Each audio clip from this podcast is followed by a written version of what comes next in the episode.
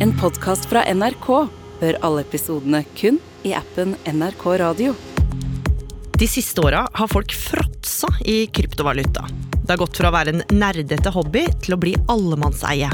Hey! Hvis du er den som benekter krypto, så er det sannsynligvis fordi du ikke har peiling på hva det er for noe. Fortrengning kalles det. People are waking up and just finding thousands in their account as the coin just goes up in a straight line, now up 2,100%. Aksjer eller krypto? Hvorfor velger jeg krypto fremfor aksjer? Krypto er framtida, og cash kommer til å forsvinne. Men nå er noe i ferd med å skje.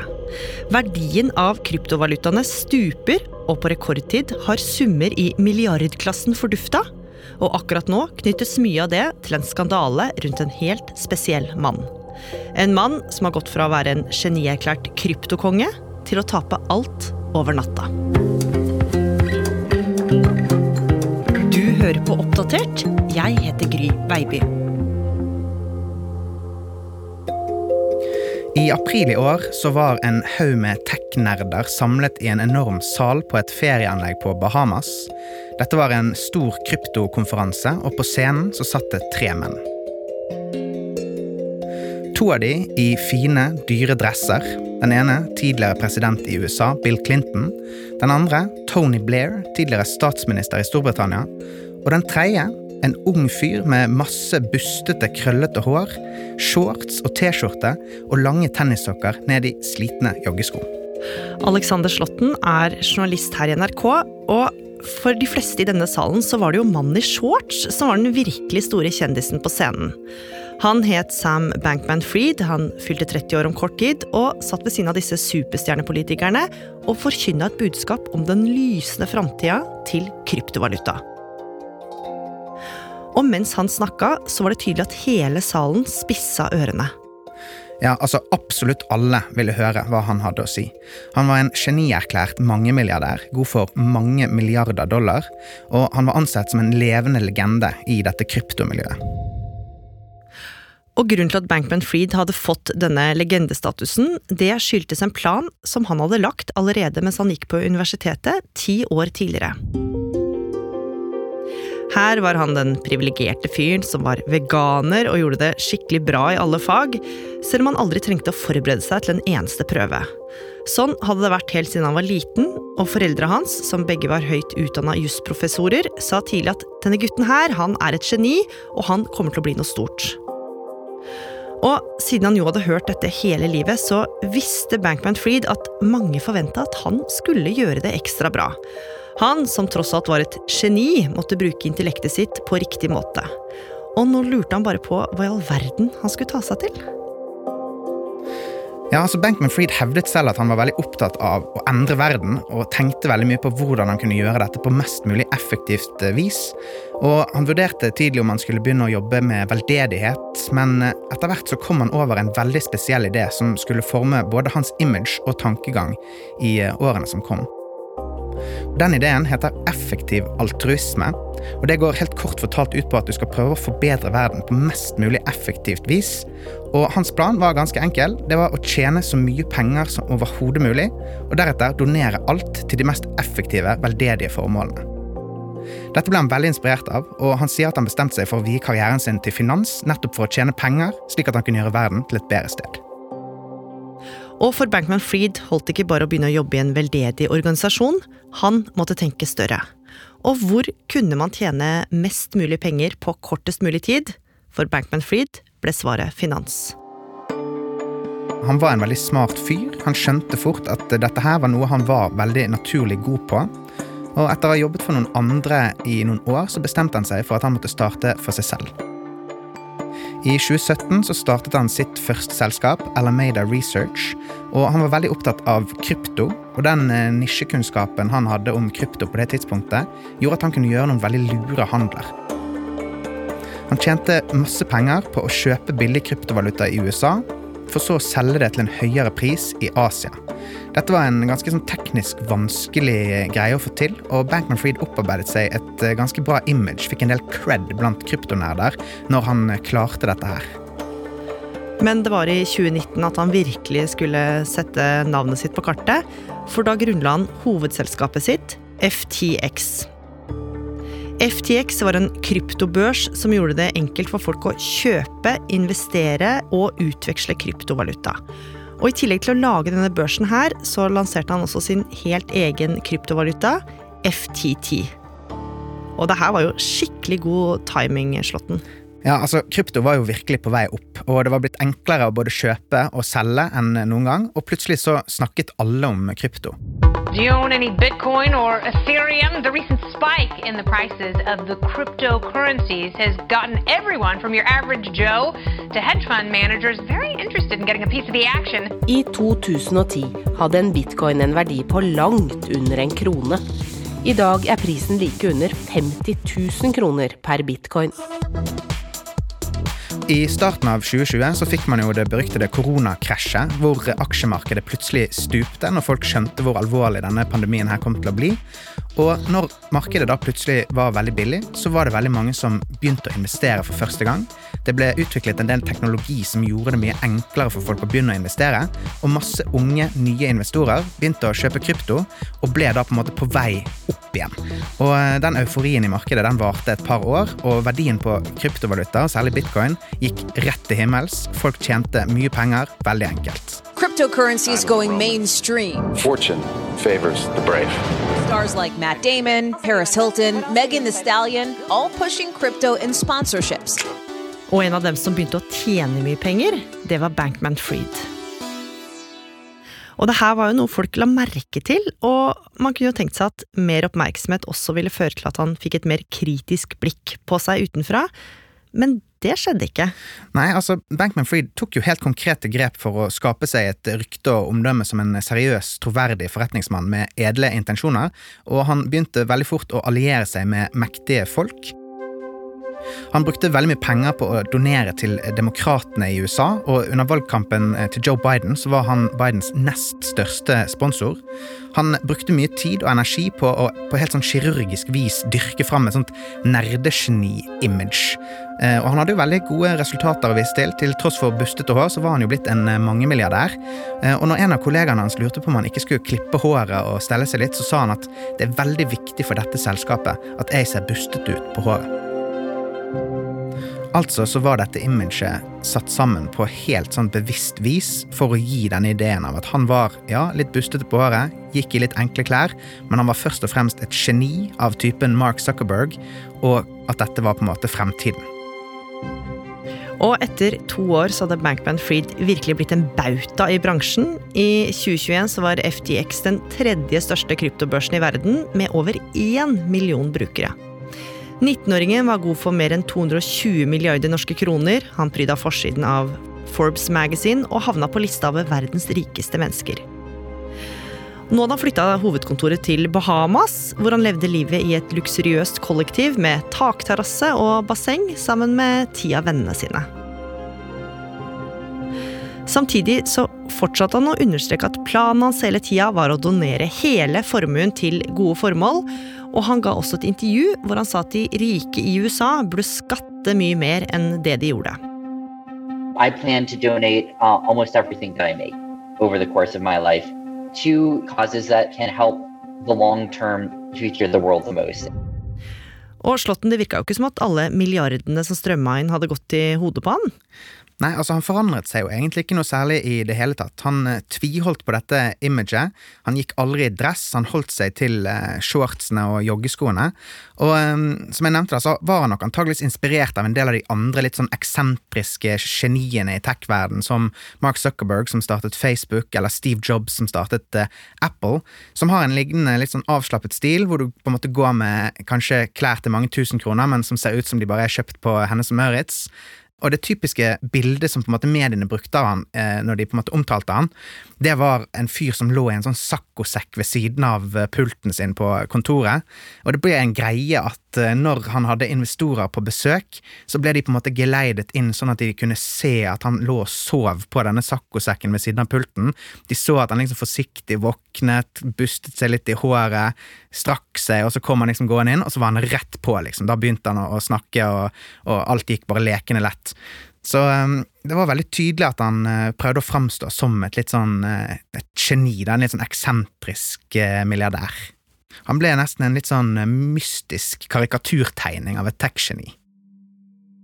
Men søndag 6. november 2022 så skulle det skje noe som skulle vende opp ned på alt folk trodde de visste om den myteomspunne og genierklærte fyren.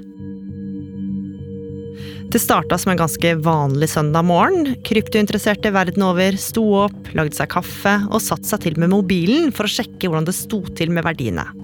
Det hadde vært nedgangstider lenge, så nå håpa de jo kanskje at det ikke hadde sunket for mye. Men det som møtte dem på Twitter denne dagen, det skulle gjøre at mange satte kaffen i vrangstrupen. Der hadde en fyr som kaller seg selv for CZ, tvitret noe mildt sagt alarmerende. CZ det var ingen hvem som helst. Dette var Bankman Fried sin store rival og eieren av verdens aller største kryptobørs, Binance. CZ han varslet at han ikke lenger hadde troen på FTX, og advarte alle sine fans mot at dette selskapet her, det var no good. Og da begynte jo varsellampene å lyse hos veldig mange i kryptoverdenen. Og grunnen var at det hadde kommet en lekkasje fra innsida av selskapet til Bankman Fried. I lekkasjen så ble det antyda at det var uheldige, i verste fall ulovlige økonomiske forbindelser mellom de to selskapene han dreiv. Og nå ble mange av FTX-brukerne skikkelig stressa. For hvis det stemte at FTX ikke var like troverdig som de hadde gitt uttrykk for, så kunne det i verste fall bety at de mista alle penga sine. Så de starta å selge unna som gale. Bankman Fried var raskt ute med å prøve å roe ned situasjonen. Han skrev på Twitter at alt dette her skyldtes en rival som prøvde å spre falske nyheter om han, og at alt var under kontroll. Men da var det allerede for seint. Altså, nå hadde folk eh, satt fra seg kaffekoppene, for å si det sånn. Eh, disse lekkasjene som eh, CZ hadde fått tilgang til, de slo tvil om alt det Bankman Fried hadde sagt at han drev med. Så nå, nå ville alle ut av FTX, og det brennkvikt. Og nå starta jo virkelig marerittet for Bankman Fried.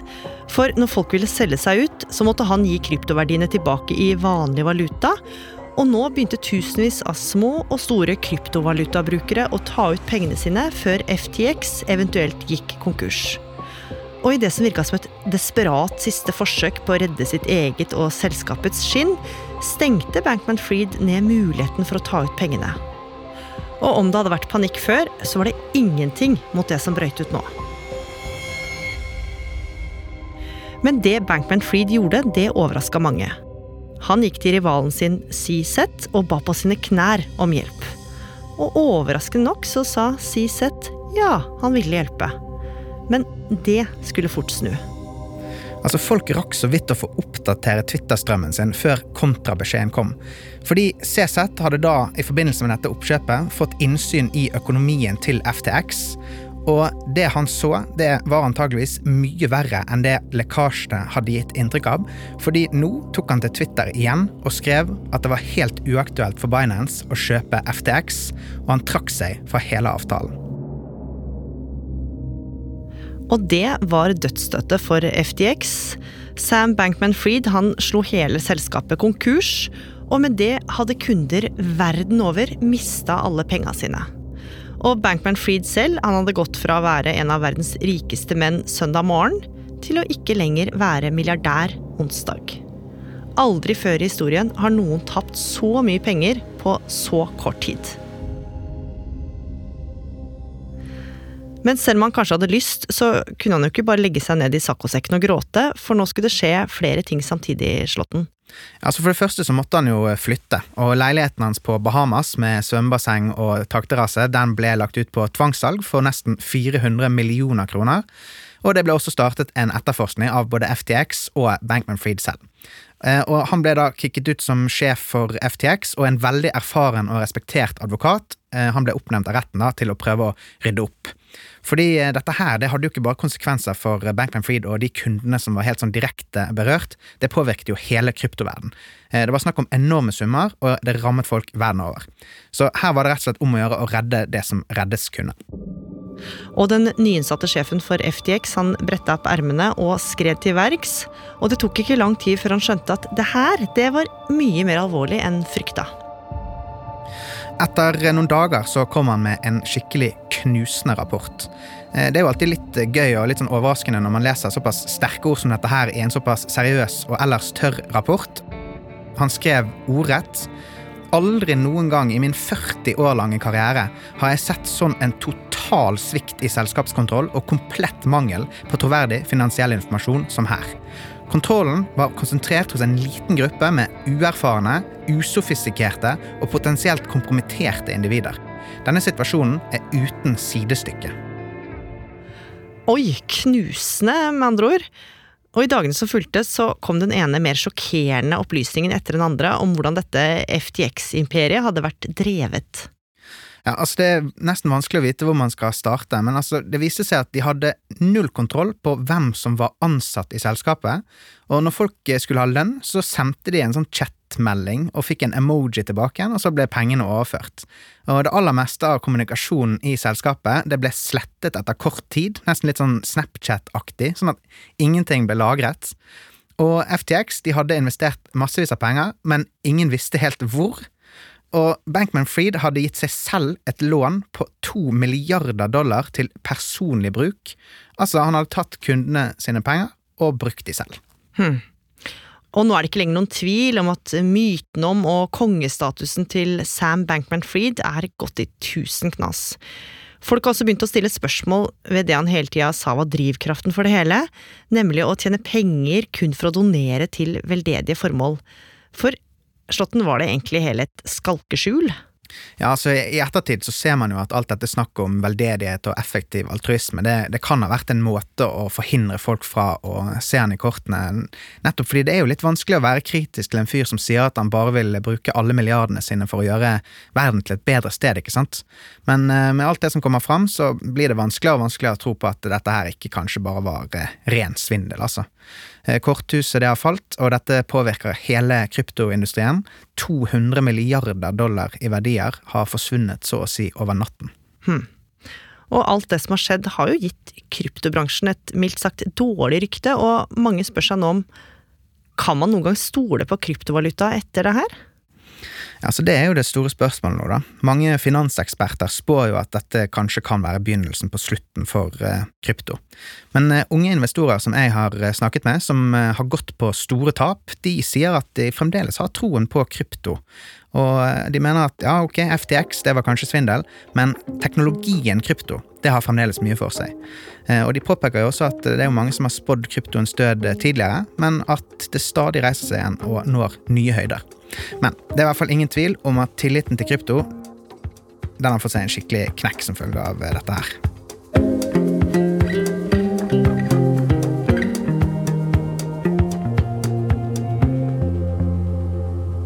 Oppdatert er en podkast fra NRK Nyheter, og denne episoden den ble laga av oss.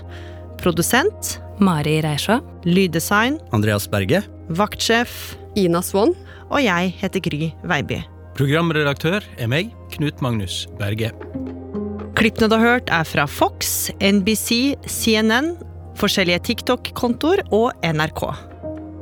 Har du tips eller innspill, så må du gjerne sende oss en e-post på oppdatert krøllalfa nrk.no.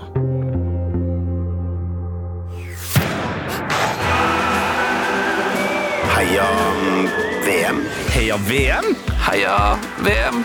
Tette Lidbom. Ja, det er jo et spørsmålstegn der, hører jeg, Sven. Svaret mitt er på en måte ja takk, begge deler. Ja, I Heia VM så skal vi heie på det vakre spillet på banen, iallfall. Ja, og vi skal kritisere og se på med lupe det skitne spillet som foregår på bakrommet. Yes, Det blir det beste fra tidenes minst elskede VM. Yes. Nydelig. Hør Heia VM i appen NRK Radio.